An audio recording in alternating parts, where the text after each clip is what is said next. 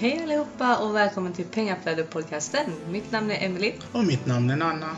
Vi håller på med fastighetsinvesteringar i Storbritannien. Och den här podden kommer handla om just detta och vi kommer varje vecka ta upp relevanta ämnen och intervjua personer som vi finner inspirerande. Hej och välkomna till Pengaflödet-podcasten. Idag har vi Catherine. Hello Catherine. Hi there, Nana. How is it? All good, thank you. All good. Thank you so much for having me on the podcast. Thank you for being on. So today's Emily's doing some uh, accounting work while I'm recording. good leverage. Good leverage. yeah, you're a Miss Leverage. You gotta tell That's us it. all about leverage today. So tell tell the listeners a bit about yourself because you have a very interesting background and story. Wow, thank you. Um, yeah, so I, I never really know how to start this one. So, yes, my name is Catherine, Catherine Turner. I have a podcast called Leverage Lifestyle, uh, which has just recently hit its 100 episodes, and we've going for nearly two years now. And I've had the delight of now teaching other people how to share their message and their content and create lead generation through podcasts as well. So I love doing that. I'm also a mum and a wife. I'm mum to Ella and Milo. They are currently uh, two and one. Uh, so no rest for me at all. Uh, but I, I love it. And if anything, it's just given me new perspective. Um, I have to leverage more uh, in my life, and I have to also uh, just create compromises as well, which I think is important and creating that balance along the way. And yeah, throughout, uh, well, when did I? I feel like throughout my whole life, I've wanted to have bus- have a business, be my own boss, as it were. Although I think that term can sometimes get misconstrued because really your clients, your customers, your business partner, even your kids still, if you have them, will also be the boss of you, and you have to, um, you know, you're working for them as well. So I think being your own boss is maybe a slightly the wrong thing to say, but being more in control of your circumstances, uh, creating the income you want to because it's you're at the helm of the business. I think that has been important to me for a very long time. I'm not quite sure even where it came from, but it's something even since primary school. I was thinking of business ideas.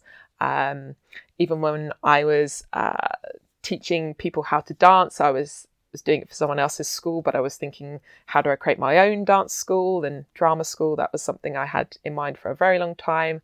And then finally, it was when I was working in the public sector for the county council here in Essex in England that I um, was on my work from home day, and I kind of put that in air quotes because I wasn't very good at working from home at the time.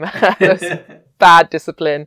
Um, there was a training event, a two hour training event to go and learn what I didn't know was about, but it was uh, essentially for women, which meant I dragged my mum along uh, because she was a nurse at the time and she wanted something different. She just didn't know what that was going to be. And I kind of had that feeling for a long time of I wanted something different. I just didn't know what it was going to be. I'd got very comfortable working and earning a salary each month. And uh, I went along. It ended up being about property. And since then, I have been in property. So that was, well, 2011, I went and got myself educated.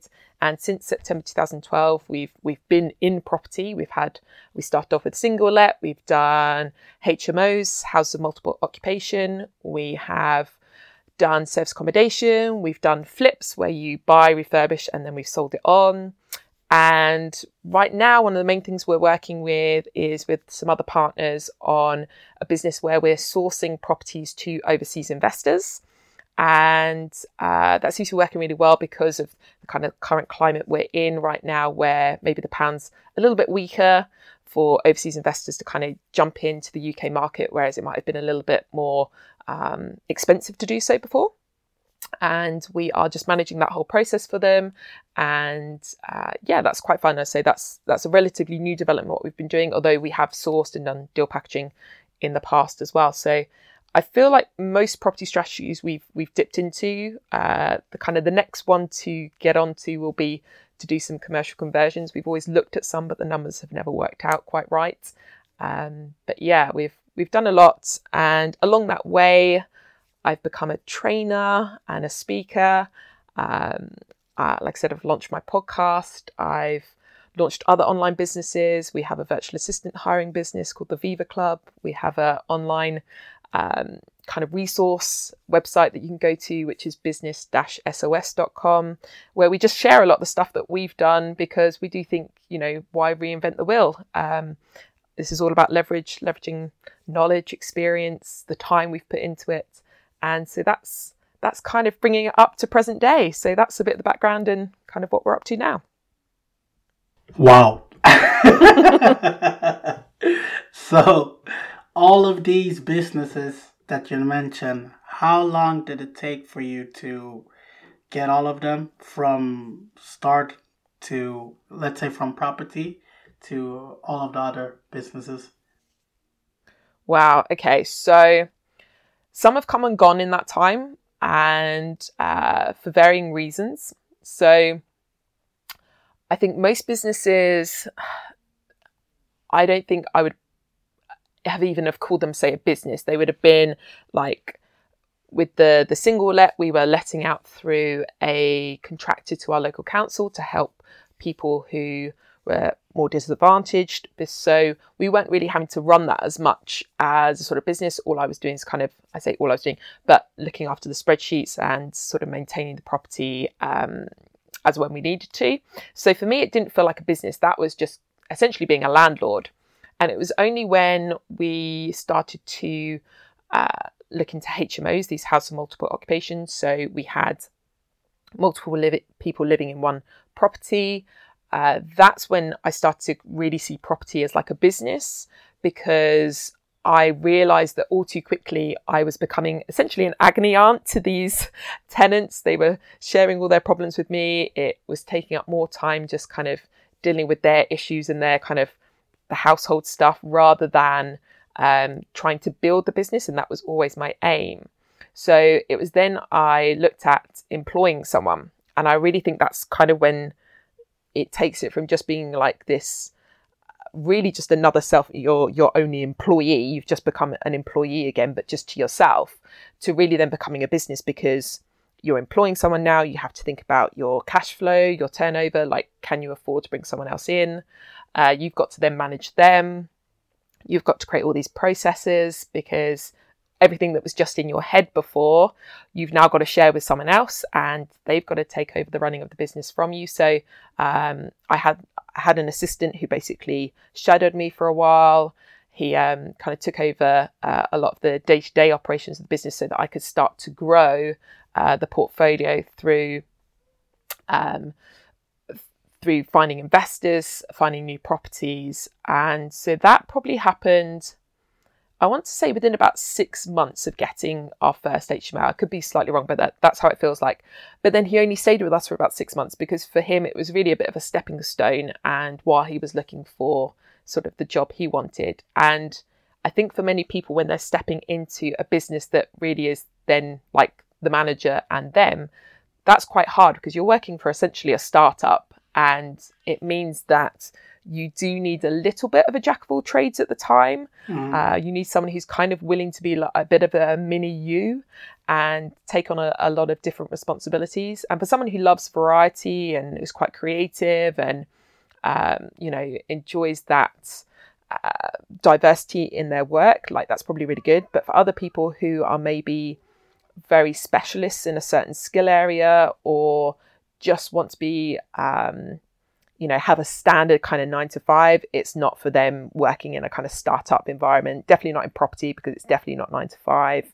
Um, so that can be difficult, kind of finding the people to work in your business that have that a similar mindset to you, but you've also got to remember they're not you. It's not their business, um, and so you've got to be. What I quite like to do with the staff who we did start bringing in is to be very flexible with them. So to say, look, you've got a forty-hour week um, salary but you can work those 40 hours however you want. So if you need to be available, like you want your evenings, then okay, we can work that out. But it had to be that's that's some of the stuff you have to learn along the way when you when you start, as I say, going from essentially being someone who's self-employed and either working for yourself or or maybe contracting out to someone else um, to the difference of then building a business where you're bringing in people, you're creating processes. Um, you've got to look at all the different areas of the business, um, or all the different areas, sorry, that make up a business, should I say, like sales, like marketing, like finance, like operations. That's when it becomes a business. So I, I think I started looking at and the main reason uh, I would say is not necessarily because I was 100% business savvy, although I'd studied it at GCSE and A level, is more that I didn't want to keep doing the bits of the business that I didn't like. And that was kind of my first understanding of like leveraging and and being able to scale up because it wasn't just about me doing everything. I then was more strategic in how I did that. And I think that's happened in most of the businesses. It's usually been within about six months to to a year that I figured I need to make this a business, not just about me running and doing absolutely everything in it because it's therefore not scalable. I can't pass this on. I can't, this isn't a true business if it's just me running it because if you take me away, the business doesn't run. Um, and so that's if if you think you've got a business but you take you away and it doesn't run, then you haven't really got a business. I think that's the thing. Um, I learned. So yeah, six to 12 months is kind of what it took. I think probably, like I said, it's just that mindset change of I don't want to be doing everything and I'm not the best person to be doing everything. That's the other thing as well. Like sometimes that's a hard, a hard uh, lesson to learn. Like you're not necessarily the best person to do everything in the business, but you might be the blockage in the business. You might be the person who's, like, say, holding things up from scaling or from growing or from increase, increasing the cash flow in the business, increasing the revenue, or you might be hindering the profits in the business even. So, yeah, that's the that's the kind of lessons I learned. So, yeah, six to twelve months is what I would say. So, so how did you stumble on to property? Property. So that was, like I said, um, well, there's a bit of a story behind it. So, am I okay to go into the bit of the story behind it? Yeah, of course. That's why we're cool. here. Great. So, um, I, uh, as I mentioned in my kind of background intro, was working for the local county council at the time. It was only meant to be a temporary uh, kind of position in the sense that I didn't want to be there. I knew this wasn't kind of my goal in life to be sat behind a desk nine to five. And I'd kind of worked my way up and I had uh, been there then at that point five years, so that's not obviously very temporary. So I was walking home. I usually got home.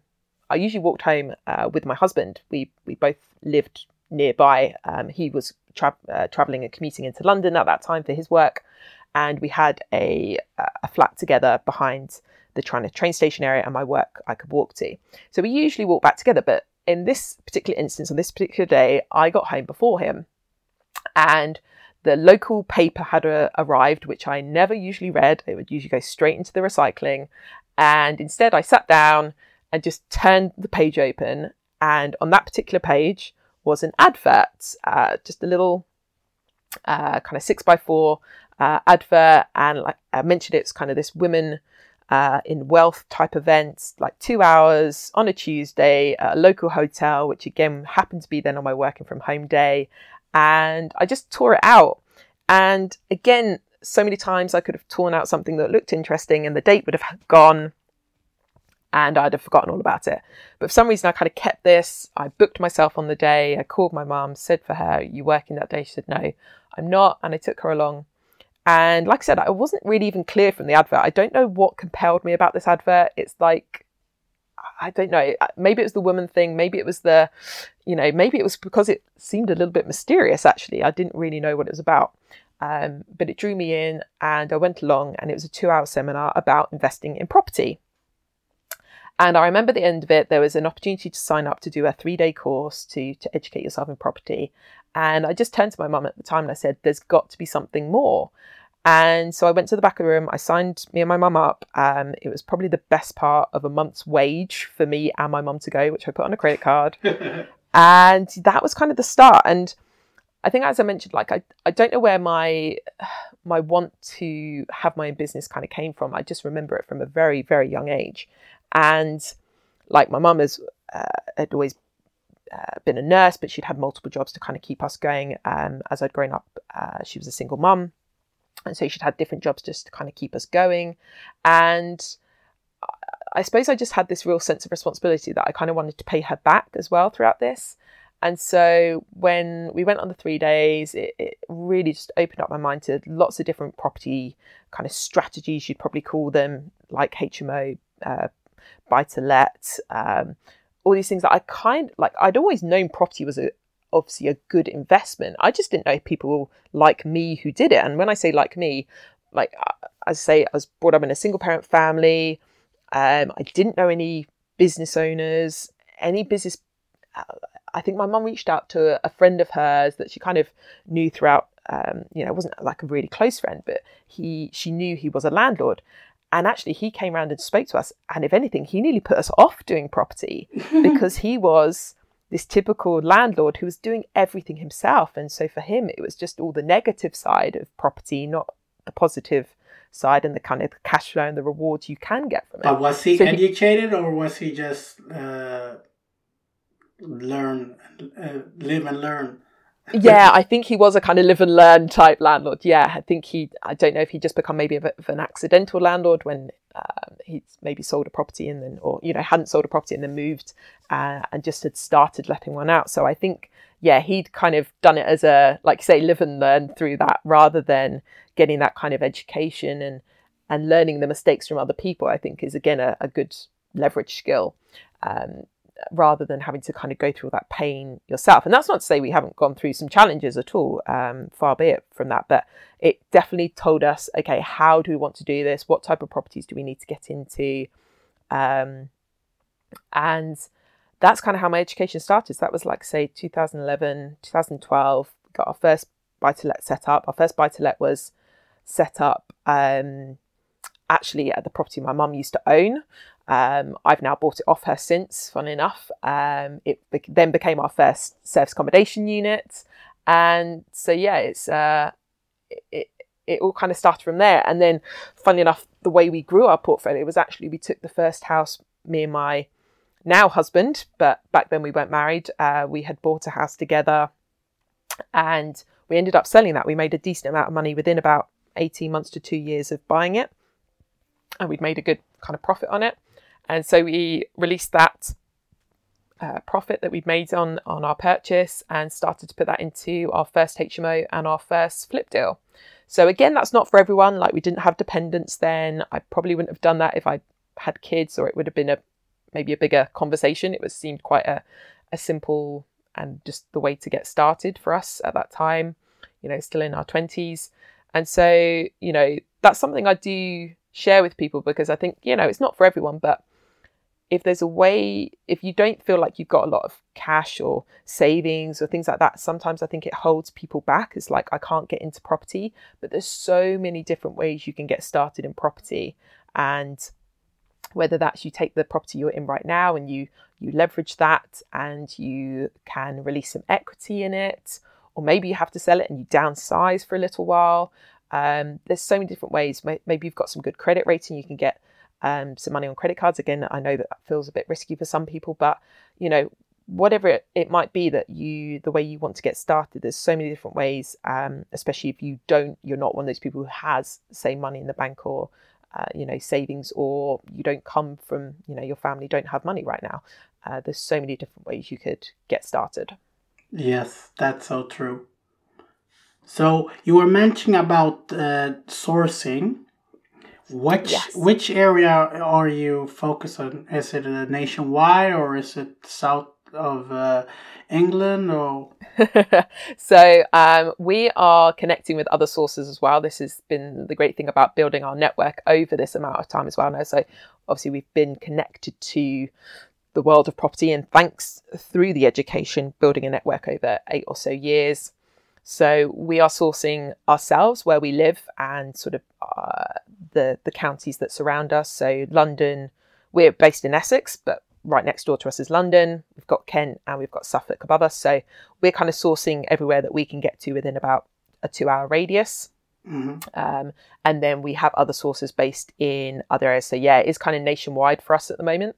Um, and it means we're one point of contact uh, for the partners we're working with, who then um, uh, they're the, the the main contact for all these overseas investors because um, they speak Cantonese, and a lot of these investors uh, uh, are based in China and Hong Kong and places like that. So um, yeah, they're they're a great. Obviously, it's a good partnership. That's as I say, it's fairly new, um, but it's uh, it's worked well because, as I say, we've we've sourced before, we've deal packaged before, uh, we've now got a good network built up. Uh, we know how to do due diligence on properties. Uh, we've done it now for a long time, and um, so it's just kind of using all the skills and the network that we've built up. And I think again, that's um, great use of leverage, right? You use your network, you use the skills that you've built up, and then you leverage to other people who can, you know, cover maybe areas that you can't personally get to, um, or as I say, in this case, we're being leveraged by these overseas investors because you know they can't come and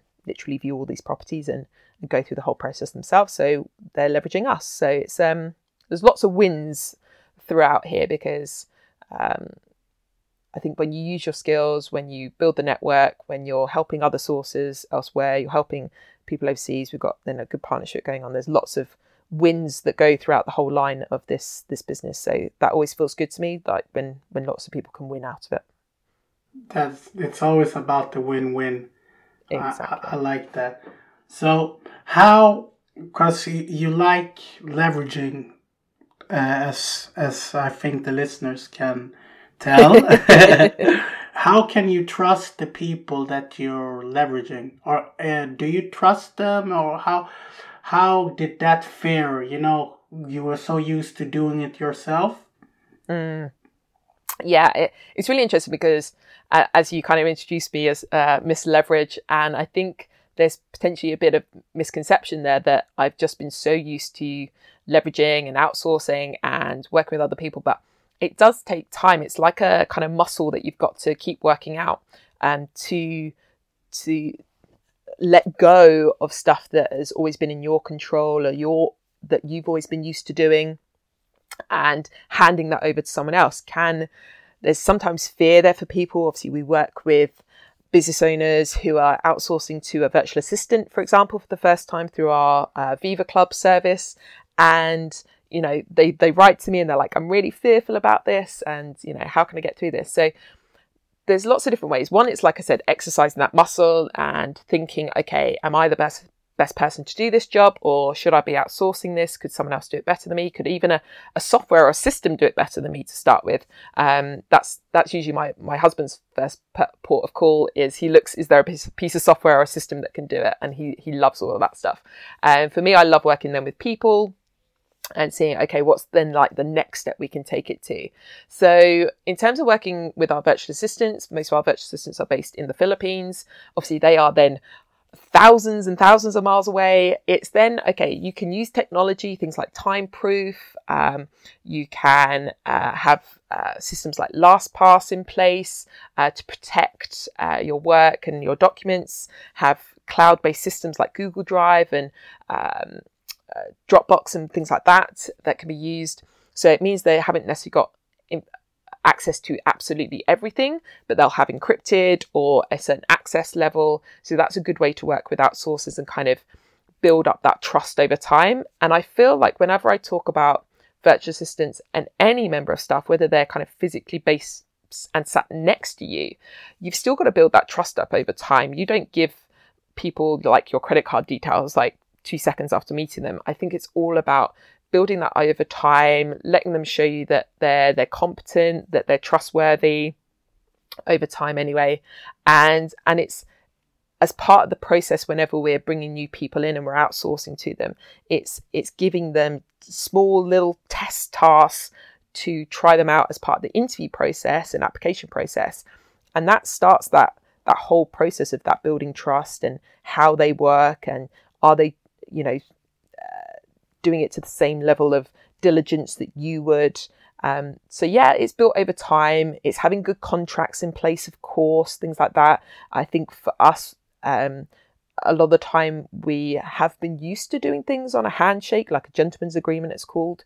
Um, and sometimes we've been burnt by that because I like to think we're very trusting and open people, but not everyone is. And one of the things I've learned in these eight over these eight years of doing business is like as much as you might know that person inside out and you think you trust them inside out, like always have a contract there, always have your um, non disclosure agreements in place. Um, just really be clear about expectations. That really helps. And um, like I said, being really clear from the outset, you know, what's what's the remuneration, what's their part of the deal, what you'll be doing, um, and I think that helps so often. The the biggest thing for me in all of everything I've just said there, the, the overarching piece is communication, and really communicating um, how you're going to work together, expectations, building that trust, um, and it comes down to to good communication at the end of the day. That's true. That's true. Uh, and what about systems? I know you mentioned some systems, but maybe you have some more. Yeah. So as I say, um, I I had this joke, but it's true. So that's it makes it even funnier that the the team whenever they come up with a piece of software that has to be used. So Steve is great, my husband, also my business partner, who he loves a piece of software because basically his kind of role within any of our businesses has always been sat behind the laptop, tinkering away. Um, his background is finance as well. He's a, a corporate finance manager by profession and a corporate management accountant by profession, I should say. And he loves a piece of software. He loves entering numbers. He loves a spreadsheet. And so for him, if he can make something work with less human intervention, because obviously there's then always human error, uh, that's like he loves that. And so we've just been trialing Monday.com. It's a new piece of software we've just been trialing in terms of a CRM system. Um, and also kind of it helps with task management. It can link in with your email systems. So he's been absolutely loving that recently. But as I say, that's a, a new one we've just been so using. It, it uh, sorry for cutting you off, but is this right. is this better than uh, Asana and all of their other? So Asana for in terms of just comparing the two, Asana is like a task and project management tool. Yeah. Um, but it's not a CRM system. So a customer relationship management. Oh so yeah, sorry. All that acronyms. I, yeah. Uh, I I mi- I mixed them together. no, no, uh, but but we used to use Asana a lot of the time, and our CRM system really used to be our email management system, and we used to use just a simple Mailchimp, like things don't have to be expensive when we talk about systems and software and things like that. And I think even Monday.com, it's a CRM, it's also a um, a pro- project and tool management as well. It's, I think the version we're on is like sixty nine pounds per month, so it, it's not you know break the bank type money. No. Um, I would I would definitely recommend to anyone who is building their business and wants to keep an eye on their finances and cash flow to have some sort of cloud based um, accounting software. We use Xero yeah. with an X, so X E R O. Um, again, uh, so the the process we go through is like Steve will find it.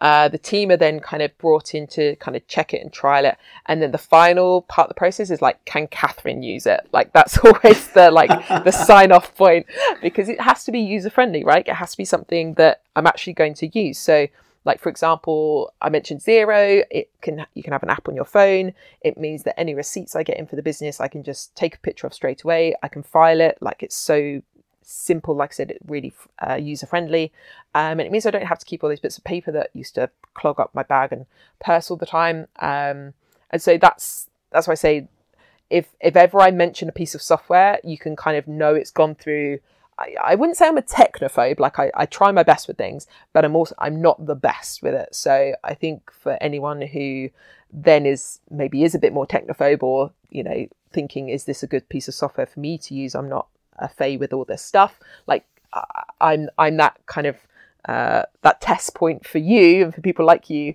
um, to to go okay well if Catherine can use it I should be fine like that's how I feel um,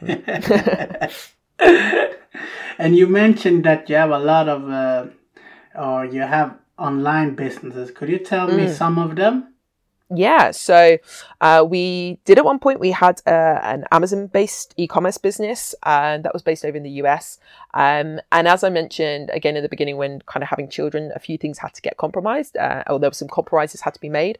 So we decided to, to uh, once the products had uh, finished or we sold them on, um, we then came out of that business with with uh, with all intentions to start the e-commerce business over in the UK after I had Ella but then I had Milo very soon after. So um, that's still a little bit on hold, but I am a big believer. In, well, especially as we've kind of seen right now, as we're recording this, so much you know, retail stores here in the UK are, are still closed. So um, it is a, a, point that you know people are doing a lot more online shopping.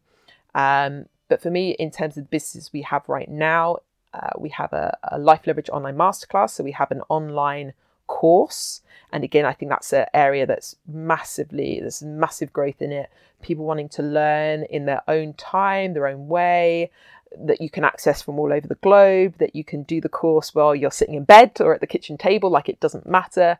Like that's a real way that it makes education open to all. And I'm a real big fan of that. That's why I'm a real big fan of podcasts and, and so pleased to be on, on your podcast here. Thank and you it just you know it's, it's great to get your your message out there and share your knowledge in, in a way that's accessible. We also have uh, the viva club which is stands for the very important virtual assistant club. Uh, I have to give credit where credit's due to my husband on that on the Viva, and uh, that helps business owners and uh, you know solopreneurs, uh, self-employed people um, go and hire a virtual assistant in the Philippines because we we went through that process. There wasn't a lot of help and support at the time. We had to create all these documents that went alongside it, like these contracts of engagement, um, all the application forms, interview questions. We had to come up with all that. So you can now leverage us and take all that stuff that took us years and time and effort to build, and you can go and access that straight away um, through the Viva Club. And we also have business-sos.com, and that we we started a little while back, um, but we didn't really we didn't market it very well, um, and that you know we we also realise our our limitations and our, our weaknesses, and so for us we pulled pulled it back off the market again, and it was at the start of lockdown, and we saw a lot of business owners, especially here in the UK, but all over the globe, really struggling with their business, um, needing access to tools and resources that either they were going to have to pay a lot of money for or they just didn't know where to go. And so we launched uh, Business Dash SOS. So SOS actually stands for um, Systemize, Outsource, and Scale. But of course, it has also the the connotation of it's saving us, right? It's SOS, uh, putting a call out for an SOS. So business-sos.com is to help businesses they don't have to be failing, but maybe they're going through some struggles or they just need access to some good tools that can help them systemize, outsource, and scale. And so that's there. Uh, we've put uh, a huge amount of our resource and tools on there for absolutely for free that would usually have a cost attached to them. Um, I don't know how much longer we're going to keep doing that for because obviously, um, you know, it, you know, I, I that, was that, quick. Cost to us. I, I saw it in your in your Facebook group that you were releasing it, so I I went directly into your website and just download everything. I went, Whoa, cool. This well, this is it. It's so generous of you. Oh well, no, I feel like it's our pleasure, and um, like as I say, uh, it's not to say that some of our businesses and what we've been doing along the way, um, like I do, I deliver training in person as well, and I do face to face delivery stuff, and of course that's all been stopped. So, um, like we were feeling it too, but we also felt that we could do, we could help, um, and so I always feel like if you if you can help, you should. So that's that's how I felt about that. And um, yeah, we've been getting some great feedback on it. I think um, we probably need to uh, let more people know it's out there and um, spread the word a little bit more. So um, uh, thank you for letting me share that on this podcast. No worries, you're allowed to share it. but I was wondering about the Amazon. Uh, mm. So how long were you doing it, and what type of uh, stuff were you selling? Because a lot of people uh, like to do e-commerce and yeah. and it's quite difficult for them to start because it seems like everyone have have the same stuff on uh, Amazon so the profit yeah. marginal uh, margins ain't so uh, uh, big but you have done it so maybe you can explain it Yeah, happy to, happy to. So, yeah, um, oh my goodness, trying to again get my timeline right. So it was around 2013 14. Uh, I learnt about the Amazon e-commerce business side of things. Um, so it's obviously after I started in property, and essentially I was looking at as a tool to create some deposit pots to create another stream of income to have these kind of multiple streams of income and not just rely on property or rely on our salaries. Um, Steve was still working at the time then, and I wanted something that. Uh, like I love property and it's great, but you are at the whim of like sellers, of estate agents, and there's lots and lots of moving pieces within property. And that's why, you know, people get to leverage us now as these overseas investors because there's so many moving parts to it. But with uh, Amazon and the e-commerce, like I felt like it was very step by step, and that I quite like that. I'm a very I like lists. I like tick off one part and you do the next part. Like that seemed to suit my personality very well, and so I just thought, okay, let's give this a go. Um, like Steve was a little bit skeptical because at this point, property hadn't um, we hadn't invested in our HMOs. At that point, we were uh, really just still getting started, I suppose, in property. We were taking our time and finding our feet.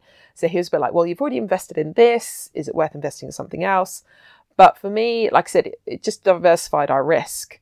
Um, we put into our first product about uh, £1,500, so £1,500 into our first uh, inventory. And we also that kind of covered we we put any marketing budget that we were spending on Amazon ads on a credit card. And again we we, we kept it very low just so we could kind of test this because my feeling at the time was okay could I live and would it be earth shattering to me if I lost this 1500 pounds like if it didn't work and so for me whenever I go into a business um like ideally, if it has a lower um, point of entry, as in, like, I'm not going to have to, uh, you know, sell my house off the back of it because I've lost everything, sort of thing. Like, how can I get in relatively small, test this out? And give it a go. And like I said, I was starting this 2013 14, and I do think Amazon has changed a lot in that time. And probably products we started with would not be a good one to do now because it, it, it's changed a lot. But the the principles are similar, but I would add some additional ones from how I started. So the principles are obviously try and buy low and sell high, like simple rules of selling e-commerce and trading, right? You buy low, you sell high. But within that, I always think there's a point where you need to um, ensure you're still getting good quality because that will trump anything. You know, as soon as someone finds that you've got a bad quality product, say if you've bought too low and you're trying to sell it for too high, people will call you out on that. So you've still got to feel to your end consumer that you're giving them good value. They're still going to be happy with that. Um, being able to uh, market something well, and I was talking about this, uh, someone just literally a couple of days ago, uh, was the fact that um, if you believe in your product like it's something you would actually buy yourself, you can get behind it so much better than something that's just based on numbers. And I think a lot of people, again, when they're doing Amazon business, they're trying to like calculate the numbers to the nth degree. They've got analysis paralysis. But actually, if you use something you would use and get behind, you can market it, you can kind of position it differently to your competitors. And I think that really helps. Uh, and then finally, I the, the the caveat, additional caveats I would put on from when I learned is like it's going to find a niche within a niche, like really honing something. Like I said, if you then know about this product, something you would use yourself, then, or it's within a niche that you particularly know.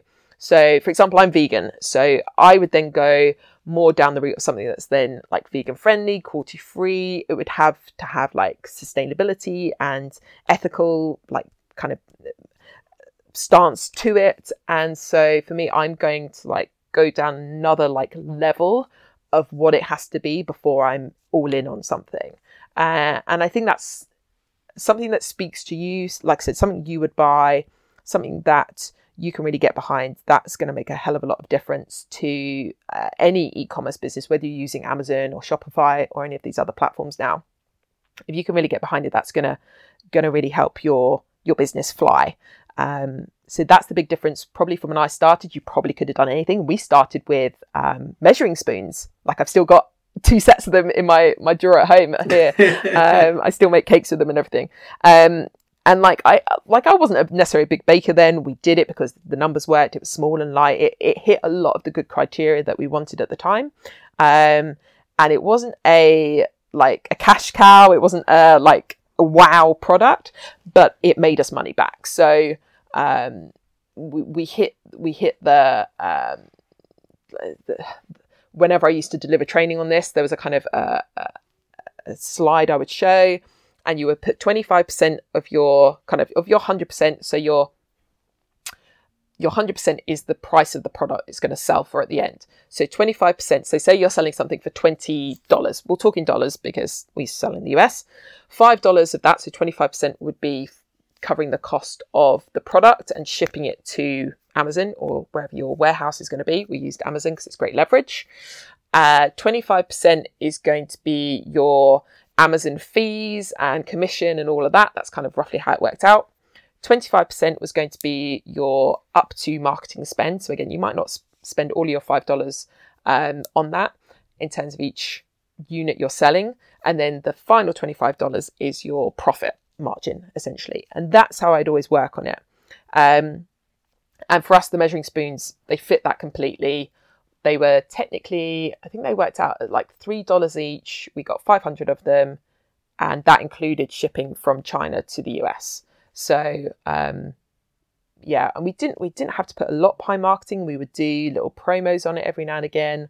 Um, and yeah, it worked, but I, I like I would definitely not tell anyone to do measuring spoons now. Like it's completely, it would be completely saturated. But so this is where I say like finding a niche within a niche um, and doing something that you really can get behind. And actually, you don't have to do something like if you can hit that even twenty percent, um, but it's a kind of regular sale, um, then that's still good. Like normally you'd have to get twenty five percent or above. Um, but nowadays, even twenty percent, that's that's still a very decent margin. If you can leverage most of the other stuff out. Because if it's not really a lot of your time taken up, then hey, keep making 20% profit margins on everything. Um, that's decent, right? That you you'll make some decent cash flow off that. Yeah, so. it's all about cash flow. mm-hmm. so, what of what is your favorite business? Because you have several businesses, as you have mentioned. Is it speaking or is it the Viva Club or property or online oh. business. You you have so much. That's like trying to choose your favorite child. Like that's that's not fair. um, because a lot of them are like my babies. Because when you start them up, and like I said, some have come and gone in that time uh, for, for varying reasons. But I love property, the longevity of property, and investing in property. Like um, there's like uh, obviously a very English saying of "now as safe as ha- uh, nout as safe as houses." Like there's nothing as safe as houses, basically, because it's this kind of bricks and mortar. It's physically there. It's gonna. For me, I love the the kind of the final part is it's housing a family. It's becoming someone's home. Like that's that's the great part about what we're doing. Like wh- whoever we're working with, whoever's investing in it. Um, the final end part is that it becomes someone's home. So and that's important, right? Keeping a roof over someone else's head. So I love it from that sense. Um, I love the Viva Club because I can talk about it a lot. We've done a lot of processes and systems all behind it. And now we have a VA who basically runs the whole thing for us. She works on a commission basis of each sale that's made. And I'm not really involved at all, apart from telling your listeners that it exists. And uh, so that's lovely because that's brilliant leverage um, yes. in that sense. And there's definitely, uh, I love the speaking. It's not the best leverage in terms of speaking. Um, obviously, having an online course and speaking on that is a great leverage. But when I'm doing my face to face delivery, there's something that I get from speaking that I can't get from any other business. And that's that kind of personal interaction, that immediate reaction, that being able to, uh, like, when I say change people's lives, like that seems too like too much. Like, I don't know, maybe I have changed people's lives, maybe I haven't. The biggest thing for me is like I've at least given them some knowledge and some experience that they didn't have before. However, they choose to use that is, is of course up to them. Um, but I have had people tell me they have it has changed their life. So I saw you on 10x, right? Was that the biggest audience you've ever spoken to? it's not actually. Oh. Yeah. So, well, you could argue my podcast is the biggest audience I've ever spoken to because obviously the amount of people it can reach across the world. Um, but in terms of face to face, I've actually done. The numbers vary. People tell me there was three thousand people there. Someone's told me there was four thousand people there. So I, I go with the lower number. I, I say around three thousand people this was in the UK. Look, uh, there's massive events that happen in definitely in the US and places like that all the time. But in UK, events for like 3,000 people for entrepreneurs essentially just are rare, are so rare. Um, and I was the second ever female to speak at it. I was wow. the youngest speaker by probably a decade or so. Like I, I, don't want to disrespect any of the other speakers, but I think I'm, I think I'm okay to say that. I think that would be true. Um, so for me, that was a massive experience. Um, I loved it. I had such uh, like the butterflies in the stomach were were real. Um, but as soon as I had my walk on music and I got out there onto this stage, and I say the stage was huge and like you know the lights were blinding, but it felt like I owned that stage, and that was just incredible. My mum was in the front row along with my husband. Like that was amazing, and yeah, it's just a fantastic experience. And it's so funny because now the amount of people who know me and they'll be like, oh, where do I know you from? And so I, I usually start with that particular uh, event that I did just because it was uh, obviously such a big one in terms of the UK audience. Um, like, yeah, yeah. Or obviously now in this case, like the 10x one, uh, but I think that's about 1,500 people there. Yeah, so it was 1,500. It was a decent but, number. But for me, yeah. if I was going on stage with 1,500, I would be quite uh, scared.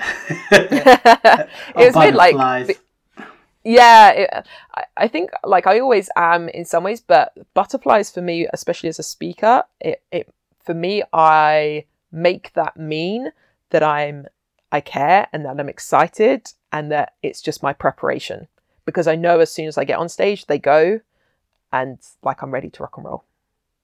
Yeah. so I don't know if you re- if you mentioned uh, your portfolio. Did you? The whole. So the whole in terms of our property. Yeah, in, to- uh, so, in terms of yeah, property. Yeah. So to be fair, our, our portfolio has kind of gone up and down, up and down throughout the the eight years, and we we've always kept uh, one property that we owned, uh, and we've always kept that throughout the eight years. It's the one we started with, and it's the one we still have now. But throughout that time, we've we've we have bought and sold, we've uh, deal packaged, we've flipped, we've rent to rent. So we've um, rented off the landlord, and then um, in our case, we did it to service accommodation. And so we've not actually, and this is probably my one big regret over this eight years, is we've not kept more in our own portfolio. So that's been um, and it's so funny with everything that's happened in this year of 2020 like who could have predicted right? Like just the craziest of years. Um and uh, hey it's one we'll all remember right? Yeah. Um and so it was always our intention that this year as we um, grow this new sourcing business um, steve's got a, a couple of other uh, business propositions in the pipeline but a lot of them have kind of they're pipelined at the moment in the sense that you know they're they're not um, they've been delayed because of everything that's going on this uh, right now as we record this. Um, so our biggest thing has been like, okay, how can we buy more and keep within our own portfolio? So that's our that's kind of our next step within all of this. Um, and it's really hard. So many people have told us like, you know, buy property and like and hold it and keep it. But at the time, it's been the right point for us to to either do the rent to rent or to do uh, or, or to sell on a property that we've we've added value to. Um, we're actually in the process of selling a flip at the moment um, because it doesn't make sense in terms of the gearing to keep it. Like the cash flow wouldn't be enough to make it sense yeah. to to keep it. So you can you could argue like you know you should try and keep all properties that you buy, but some just it doesn't make financial sense to to keep. So um, yeah, that's probably my biggest regret uh, in terms of um, property and that we haven't uh, kept building our portfolio whilst we've been doing other strategies. Um, and that's definitely something we're going to remedy. I'd like to say this year, it might, might now move into 2021, but that's cool. We can live with that. Yeah, we don't know what would happen with the world. It's it's strange. Yeah, no one could. The only one who could could uh, predict it was Bill Gates. this is it. This is it. I know. So, yeah, I feel like everyone's going to be watching him a little bit closer now. Hey, right? it's like, what is this guy? Well, and the other one uh, wasn't it um, Simpsons or something? The Simpsons has, has Yeah. had a lot of predictions. Like crazy, right? yeah. So, which business, if I may ask, have affected you most during this COVID time? Oh, okay. So, in terms of, so the Viva Club has kept going. I've, I suppose one of the things we've we've noticed with it, we haven't had as many people uh, buying at the moment, and maybe people are just being a little bit more conservative with their cash flow and uh, you know what they're spending out on. But I think as more people are maybe their their new normal comes uh, to working from home and not from offices and things like that, I think people be, will be more inclined to work with virtual assistants. Um, so I do see that as a business that's going to keep growing, um, and it's a business that, as I say, because it's a commission only um, to our employer with uh, employee within that, um, and I don't have to do a lot else. It's it still keeps ticking along very nicely. Um, obviously, my my speaking directly and face to face and doing live training that's that's completely um, gone at the moment. So we're about to trial at the end of this month. So we're in June now. Um, a way of delivering it as would normally be the kind of three days that I do in terms of the podcast training. We're looking at how I deliver that through some sort of live stream. So rather than it being an online course that's pre-recorded and has got modules and it, I'm essentially just delivering my my three days that I would normally do through the power of the internet, which is pretty cool in the sense that it then gives uh, scope to go global, um, to have that same level of audience interaction. And that's the bit we've got to test. Like, can I interact with an audience the same way through? And, and we need to check what systems are going to work nicely. Will it, will it be Zoom? Will it be another type of live streaming um, software? So uh, that's, as I say, I, I freelance for Progressive uh, to do that. So we're, we're just trying to put some uh, put that together. So that'll be interesting to see how that goes. Um, what else have we been doing? I said the business SOS a lot. That's all free resources, so that's been kind of cool. But obviously, it's not necessarily bringing an income in. So I suppose it's how how you mean. Like, is it about income? Is it about Yeah, transactions? yeah. I mean, Yeah. income wise. Yeah. So I suppose really now this this new biggest source of income is going to be the sourcing for overseas investors because um, you know they're you could I they're taking advantage of an opportunity right now um, and I think that's what business is about a lot you you you see an opportunity and you go with it right Yeah. and so we we see an opportunity right now to work with these investors, and all the stats are showing right now, of course, that yes, people are um, are going to be affected in terms of maybe they can't afford their mortgages anymore, but they're still going to need a roof over their head. So uh, renting is absolutely going through the roof, as you kind of expect. Um, and so for me, uh, we're looking at properties that are essentially going to be tenanted anyway, like they're they're, they're tenanted prop. They're either already tenanted, so we can bring them up to a better specification for the tenants that are already there, or um, they're going to have new tenants in them. Um, so for me, that that's important. That it's about how can we make it uh, affordable, create some good housing. Um, so for us, that's where there's some massive growth um, in terms of kind of a new it's uh, as i say a relatively new revenue stream for us. Um so that's that's the that's the business that's kind of taking off because of these overseas investors um looking at this new opportunity over here in the uk and like i said for uh, the the delivery the online training where that has impacted my income i haven't been able to do that some of the the face-to-face delivery that i would have done throughout this time. I would have uh, delivered at least two training um in this time. It's now like okay how can we deliver this in a new way? Um, that still gives the participants, the clients, the the new the soon to be new podcast hosts um, a way to to learn, but it's it still keeps that level of interactivity, the bit that people love from face to face learning. Um, that's that's going to be the new challenge, right? Um, but if we can overcome that challenge and learn from it, then it gives us even more scope um, to deliver that training to people who would never have been able to come to the face to face training because, say, they live in Sweden, for example. Um, so, yeah, that'll be exciting. Mm. Yeah, it seems like you have some interesting stuff going on moving forward. Hopefully, this COVID will will stop soon. indeed, indeed, so. or at least, uh, as I say, I think it's interesting. People like just kind of see a lot of the the news I get nowadays seems to be from my Facebook and social media feeds. But um, I think as people are, there's going to be this what people are calling a new normal. Um, you know, working from home, social distancing. You know, there's not going to be these. Probably I won't get to do a 3,000 person event for a, a few more years until maybe there's some sort of vaccine or better testing or things like that. So, um, yeah, how can we still reach that level of people, or maybe even more?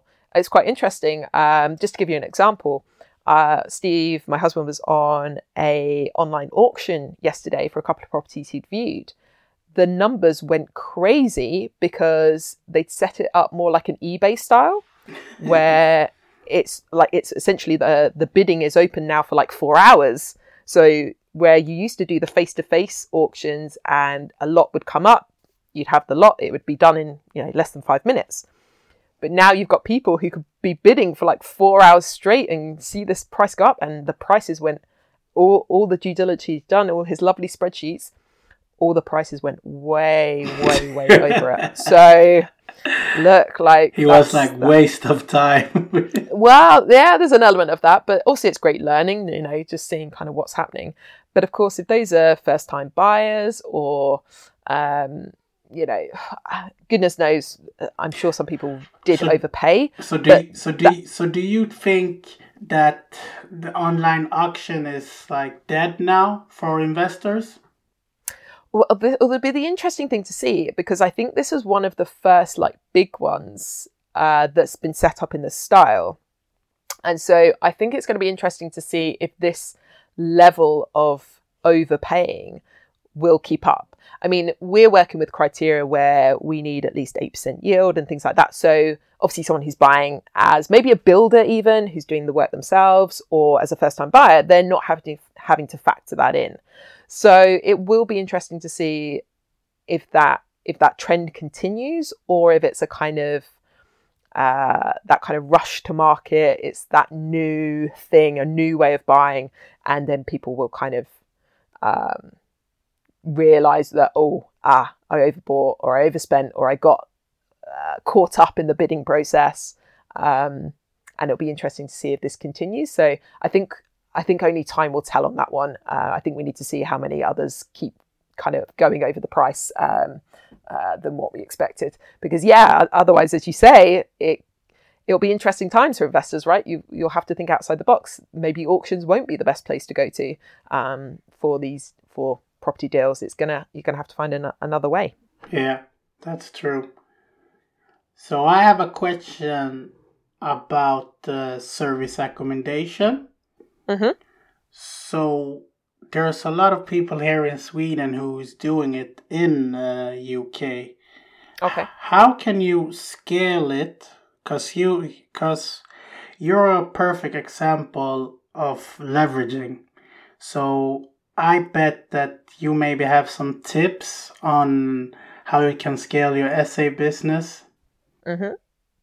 I do, yeah. Um, now it's quite interesting. If if uh, I would recommend your listeners do go and listen to my podcast if they're if they're interested at all, um, because yeah, I've shared some of some of the highs, but also the lows of going through that scaling process. Um, one of the things we did to try and scale our business and we took our time with this. We we started very slow with our sa business. We started that in 2015 and we started off small. I think we only took on about three to start with um, because we wanted to test it in uh, towns and cities that didn't really have SA at that point.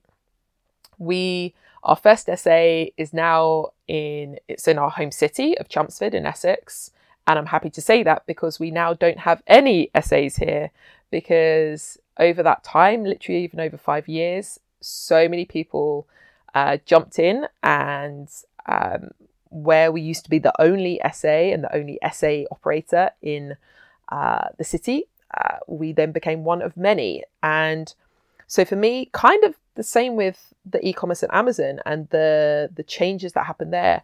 One of the biggest things is keeping up with what is happening on the ground, and sometimes that can be harder. I appreciate for overseas investors. So working with uh, a sourcer or uh, an agent that is going to tell you how it is, and not sugarcoat, not over egg the prices, not um, you know, try and give you flashy spreadsheets.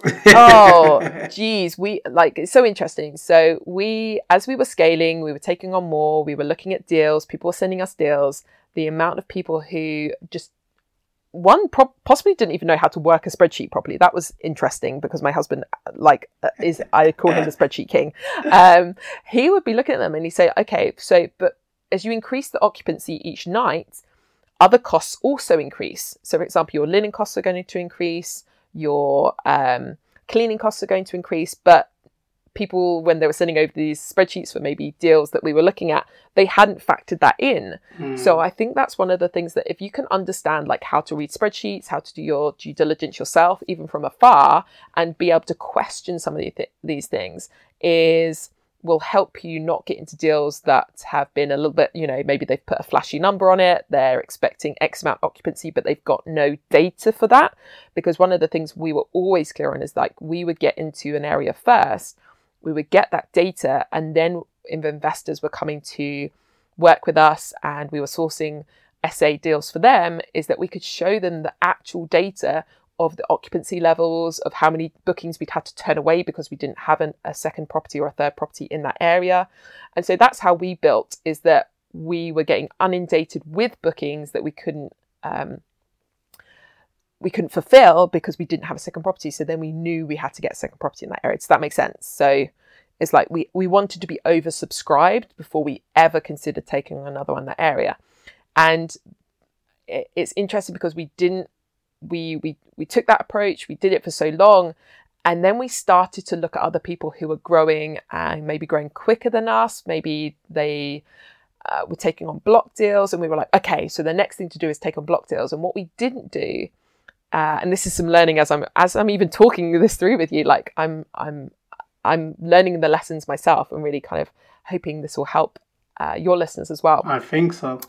Uh, is that you can get so caught up in trying to match and scale and keep up with the Joneses and and and see other people, you know, getting ahead of you that you forget your own core principles of being oversubscribed, taking it slowly, one apartment at a time. And we started to look at these block deals. And we had four block deals in front of us, and all of them failed for different reasons. And that cost our business hugely. And um, it was a huge learning lesson for us. So, probably my biggest lesson I could share with people is don't try and scale too quickly, get oversubscribed.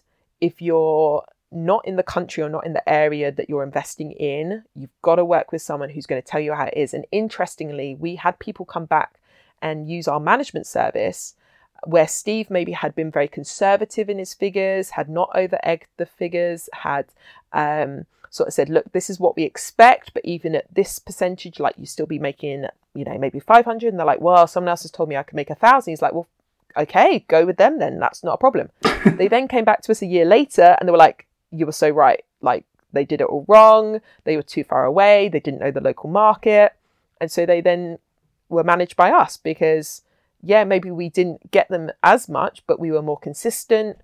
We told them exactly how it was. We knew the market better their property wasn't empty. It's all of that sort of stuff. So um, I think be cautious about someone who oversells it and get advice from a few different people because I've just seen so many people uh, very savvy investors, even local investors who maybe have handed over their their SA portfolio to to someone, and they've still had their their fingers burnt. So um, mm. yeah, I, I, I think we can all get caught up a little bit sometimes, just like maybe these online investors or these online people did on the online auction, get all too caught up in it, yeah. see these kind of figures, and uh, it all gets a bit too exciting. And I think one of the things we could do, like I said, the, uh, the e-commerce and Amazon thing is that like how can we keep learning? How are things changing? How are things adapting? How do we need to do something in the the new state of things?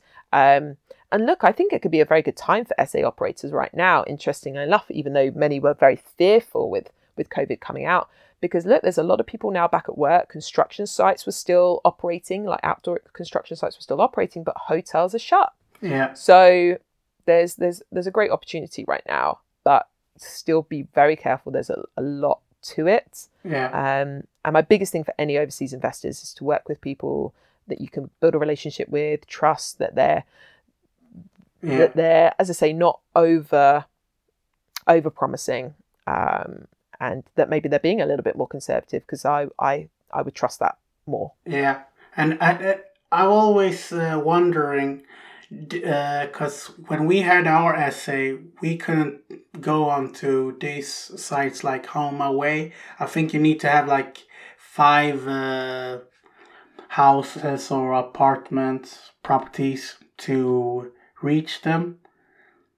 How how much of an impact do you think being on those sites uh, sites or uh, just being on Booking and Airbnb and direct booking does it affect or it doesn't? Yeah, so interestingly, again, this is how market changes over time. When we started in an area, we got on with an agent uh, with just one property because they needed um, properties within the location we were because they didn't have them on their books. But now, five years later, you wouldn't be able to get on their books unless you had five or more. So this is quite interesting, right? So one of the things we did as part of our SA management company was we would take them into our portfolio, people who maybe just had one or two, but it then meant they could get on the wider agency lists um, because of that. The biggest sites are Booking.com and Airbnb. They are, but don't rely on them. Like you have to go with direct bookings as well, or build up your list of direct bookings. Um, and some of that, even with direct bookings, I'm still talking about like working with some of the agencies, um, so like Silverdoor, um, Situ.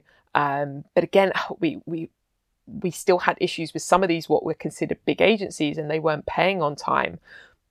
So that's a big factor when you can literally get direct, and I mean direct that you know they're paying into your bank account or through your payment system. You can take a deposit, you can take money in advance. That's so, so important for your cash flow because booking.com, you're getting paid after the fact. Airbnb, you're getting paid after they've moved in. Um, agencies, you're getting usually a 30 day payment terms. Like that's not great for cash flow. It's no, really not. No, so direct bookings are so, so important and vital to the SA business. And you can turn booking.com and Airbnb business into direct bookings if you treat them well, if you go through a good process with them, um, if you have that built into your processes about uh, building up the, the contact information, if you can give them discounts um, for coming back directly to you, um, and really just finding out like why they're there. What you know, are they staying because they're contractors and they're working on a particular site? Are they going to be coming back a bit later? Um, all of this that that really started my direct bookings actually when I took a what was going to be a, our our longest direct booking when we first opened was a six. Well, sorry, through Airbnb initially was going to be for six weeks, and they were working at the local theatre doing the pantomime over Christmas time. And because of my background in dance and drama, I just thought, you know what? I'm going to check and see if I know anyone connected through Facebook. This is the great thing about social media. This is one of the great things that you can do, obviously, with social media. And I found a mutual connection um, of this guy. And so he was trying to book, he was the technical crew. And um, so we, we started a conversation and um, I got hold of him through Facebook and uh, then he booked direct and he had a very tight budget because they were the technical crew. They'd been given a, a daily budget for their food and uh, housing allowance. And so we, we created a good deal that I, I wouldn't have been able to do through Airbnb because with the additional fees that they char- that Airbnb charged us and that they charged the guests, the deal wouldn't have worked if we didn't do the deal direct. So that was the great thing that um, about that. And then he became a great contact. So even though he didn't work on the technical crew each year for the pantomime, it meant that we knew uh, for six weeks over the Christmas period, which can sometimes be a, a slow period. Um, we always had people in at our our big SA, so that was cool. Mm, yeah, that, that's really good tip. There you go. what else should we, as international investors, think about that you can give us? Not just about SA, in general. In general. So I think it's about knowing the criteria you're looking for. Now, interestingly, overseas investors we're looking for at the moment, their main criteria, so it doesn't, it could be anywhere in the country, and this is where we're now working with other outsourcers, is um, that they want an 8% yield. So they're kind of looking at like uh, a bank account, right? So that's how I look at property as well. Like what you're putting in compared to what you're getting out. And if it's better than what you're getting in the bank, and most of the time it will be, um, then you're doing well. So they're looking for 8%, for example, at the moment. And that's an 8% yield. And then they're looking for freehold properties. So they don't want leasehold properties. That's their general criteria, and that's about it. So it could be a HMO, a buy to let, anything. So from that point of view, that really helps us in terms of sourcing um, because we've got this kind of carte blanche to, to look at quite a lot. But there's still that little bit of um, the box we're looking within. And you could, I mean, it, it could go either way from that point of view. But I think if overseas investors are really clear about what they want and then what they don't want, that they communicate that really well. And I think the biggest thing for us is having investors that are ready to go. So, um, you know, being ready with deposits, being ready to, to sign paperwork and things like that, uh, because the property market even at the moment is still moving pretty fast as we kind of saw with these auction properties. Yeah. So it's it's still having to move pretty fast. So if you're an overseas investor and you want to jump in, like you've got to then be ready. Like if a deal matches your criteria, don't be slow about it. That's that's probably a, a big lesson. Um, so I would also just kind of get a feel for what um, the sources or the people you're working with have done before, who they've worked be- with before. Um, share with them your criteria and then get them to kind of talk it back with you and uh, give you know maybe even just start with some example deals to start with before it's actually like right we're going to go for it and because what you don't want to do is waste the source's time as well because we've had that before um, and that could be quite hard that you know we're trying to get a deal done the the investors then suddenly like oh i was still just checking like i'm still not sure like i'm not quite ready to go. Um, and so yeah that's that's really important that just be clear what stage of the buying process you're at. Like, are you still just curious and you're checking the market, or are you like, nope, I'm ready to buy? Um, because that's going to help the sourcer kind of get the best deal for you and and uh, yeah, just be able to kind of work on the same page. I think that's the most important thing of anything. I think I talked about communication with your your team and your um, your virtual assistants, and I think communication is so key when yeah. you're working, um, you know, overseas and like you say, um, when there is that kind of that physical distance between you, being able to, you know, to to have that good line of communication, understand like what your working hours are as well just simple things like that right? If you're if you're based abroad and you're on a different uh you know geographic timeline like if you're in bed but someone else is still working like it's just being really clear on stuff like that as well. Yeah. Uh, uh, when you mention uh yield do you mean gross yield or net yield uh, so in this case, it's gross yield. Gross. Yeah. Yeah. I mean, uh, this is the good thing about, like I said, having a business partner who loves a spreadsheet and he just, uh, it's quite funny. My mum always calls him like a calculator brain uh, because she'd always say like he could calculate it quicker than you could type it into the calculator. So um, that really helps. Like I love numbers. I, I always used to love maths at school, but my husband's like another level. So I think that helps in the sense that it's, it leverages our skills. Like I'm helping us connect with more sources because of my kind of background and network and because my my face is out there a little bit more. Um, and my voice is out there a little bit more, so people do know me. Um, and then Steve can do the due diligence and work through all the numbers and things like that. Yeah, and and uh, tell me about being a businesswoman and running the business. How is it? How is it? Uh, uh, it depends on any given day, I suppose, or any given week. And the interesting thing for me is like I've, as a businesswoman, and I suppose the other element to add in there is being a mum as well. Um, I started this before I had kids, and then obviously since then I've had kids.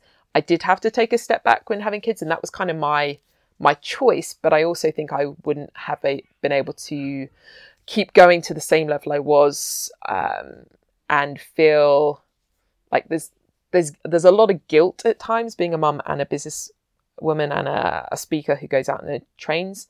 Um, and like I'm I, am i am getting better at that uh, and I'm learning that it's good for me uh, and I think it's good for the kids to have um, that that time away from each other at times and uh, to still be me like still be Catherine Turner and not just mummy all the time. Um, but as a businesswoman it's interesting. I still think there's some barriers um, and it's interesting some of the conversations we were having before we hit record. Um, still some barriers in place for for females compared to males in business for sure. Hmm. Um, certain words that are maybe used to describe us that would never be used to describe a man um, and and maybe certain times when I'm overlooked at times, and someone might be talking with my my husband um, about some part of the business, but really that's the bit of the business I do. So then I have to jump in, and they're like, "Oh, oh, right, oh, sorry." Like, um, so yeah, there's some of that still. Um, that's so and, sad. Uh, yeah, it it is. It's it's a shame. It still happens for sure.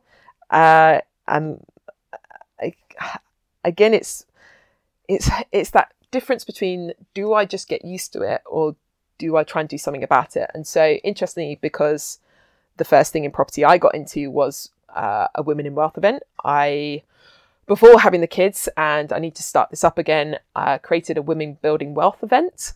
So just for women, which you could argue is like, oh well, I had a lot of men uh, having issues with that, saying if we created a male only event, we get told off, and it's like the trouble is most events are male only. They just happen to be open to both female and male, but it's 80 20 male a lot of the time I'm seeing. Yeah. So for me, I just wanted to create a space for women to come to and just have that. Um, I don't know that safety aspect, the um, open aspect. Like it, it, it created a very different vibe, a very different energy, and we have a Facebook group that goes alongside that. And it's interesting because I've had chats with other female friends who are like, well, I think you should allow men into it. And you know what? We, we had uh, a man come to one of the events. Uh, he came along with his wife and he, they came along with their daughter as well. And the daughter was, I think she wasn't even 10. Um, and it, and it, we had some great laughs with him. Like he loved it. Um, and he thought, it was, you know, we loved that his daughter was there. And so we didn't say no men can't come because that wouldn't be right either. But we wanted to make sure that the women in the room felt um, there was just this cohesiveness. There was a real, a real love in the room. Like I, I, don't know how else to put it, but there was this real love energy, um, a real sense of um, understanding, and uh, we we do just we do just face issues that men don't in business, and and it was a safe space to talk about all of that. And that for me is what the Facebook group is about as well. Just being able to talk about issues that are specific to female businesswomen and entrepreneurs. Um, and look, I love working with men. My business partners, my husband, crying out loud, say there's no, never anything about working with men. For me, it was actually a chance to bring more women into the space so that when we do have these mixed rooms, it's not 80 20, it's nearer 50 50. Because look, the if you look across the planet, there's actually, I think if you look at the statistics, I think it's about 51% female. So yeah. there's technically more women in the world, yet why in the room are not more women there? So yeah. I definitely agree. There should be more women in business and in property as well. I, I really, I really hope that there will be more of them. Yeah. Because I think yeah. when when, you, when it's a mix of both genders and cultures, I think think it's better. you get more out of it.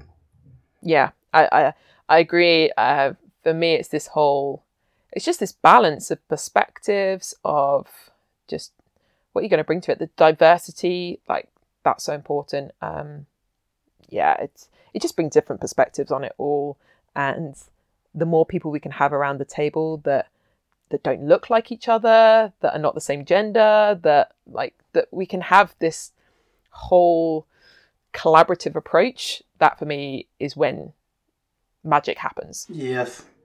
So tell me about your walking music, your favorite movies, series, Oh. and book.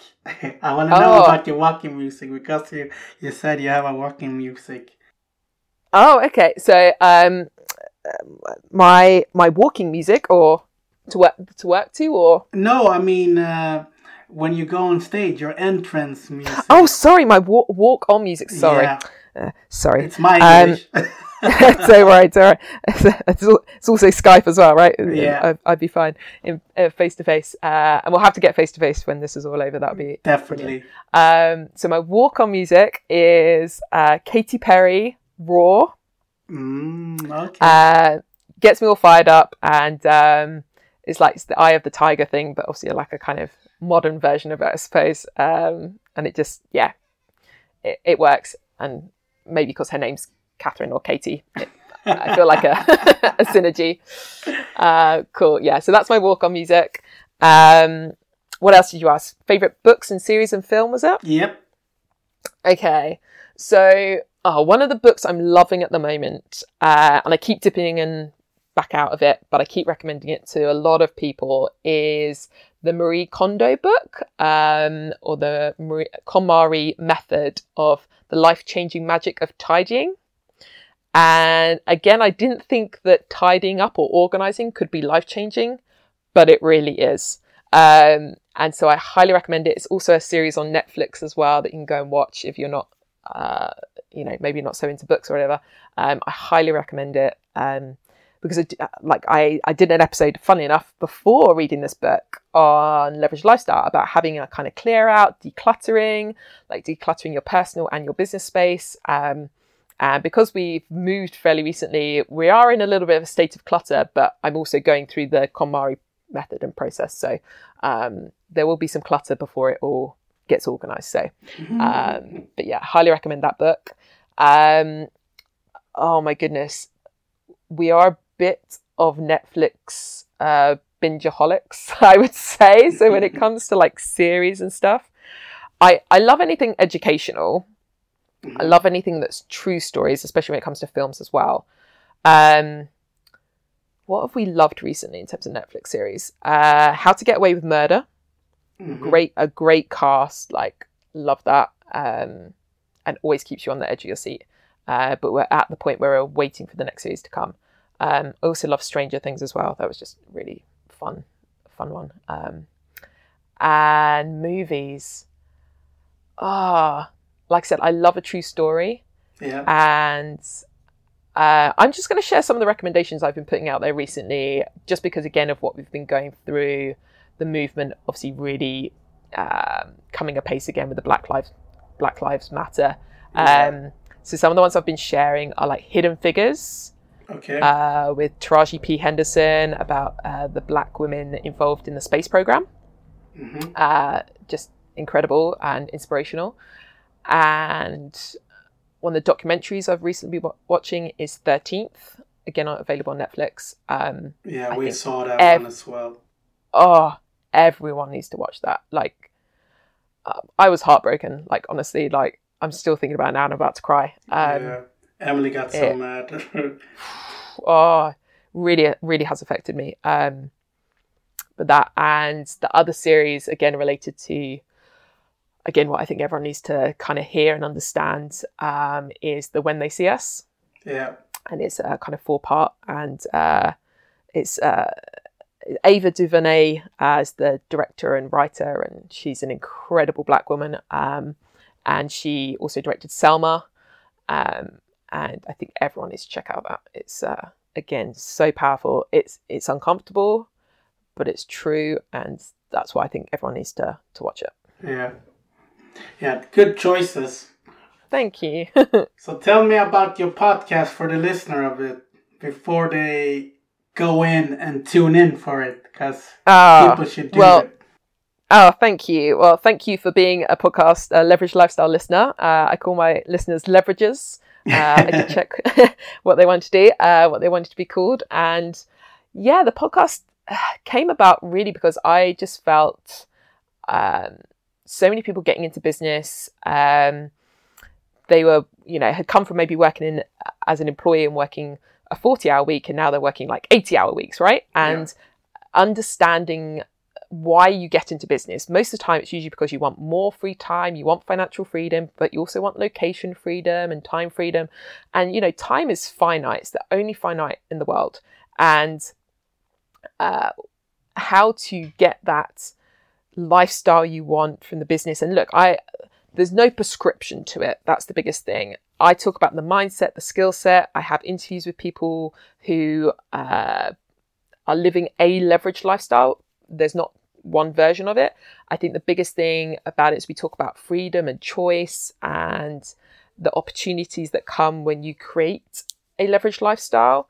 And um, yeah, there's just there's a lot in it. We uh, say mindset is a big focus, but also going into the skill sets, talking about virtual assistants. I probably mentioned the word leverage so much, and if you're not quite sure what that means or how you apply it, the podcast is going to help you with that. And Definitely yeah, I, come and come and have a listen. Uh, like I said, maybe maybe jump in on the hundredth episode one that I just did recently. Um, that might be a good starting point for new listeners. Okay, and how will how can people reach out to you if they would like to get to know you or uh, join your Facebook group or uh, yeah, send you yeah, a message? Yeah, I would love that. So. Um, Catherine Turner, Catherine with a C, and uh, if you just put Catherine Turner speaker on Facebook or LinkedIn, you'll find me. Uh, on Instagram and Twitter, it's Catherine Ann, A N N T. So Catherine Ann T. Um, I also have a website that's got links to all of those, catherineaturner.com. Okay. There you have it, listeners. there we go. Uh, just this has been a pleasure. I, I love doing interviews, and um, it's so much fun. And uh, you've made it uh, a great, great experience. Thank you, Nana, for having me. Thank you for being here on this podcast and taking your time. I know from your kids and everything, but this podcast episode is gonna be amazing. So I hope people, I hope you liked it. I surely did. So don't be stressed. Invest Bye.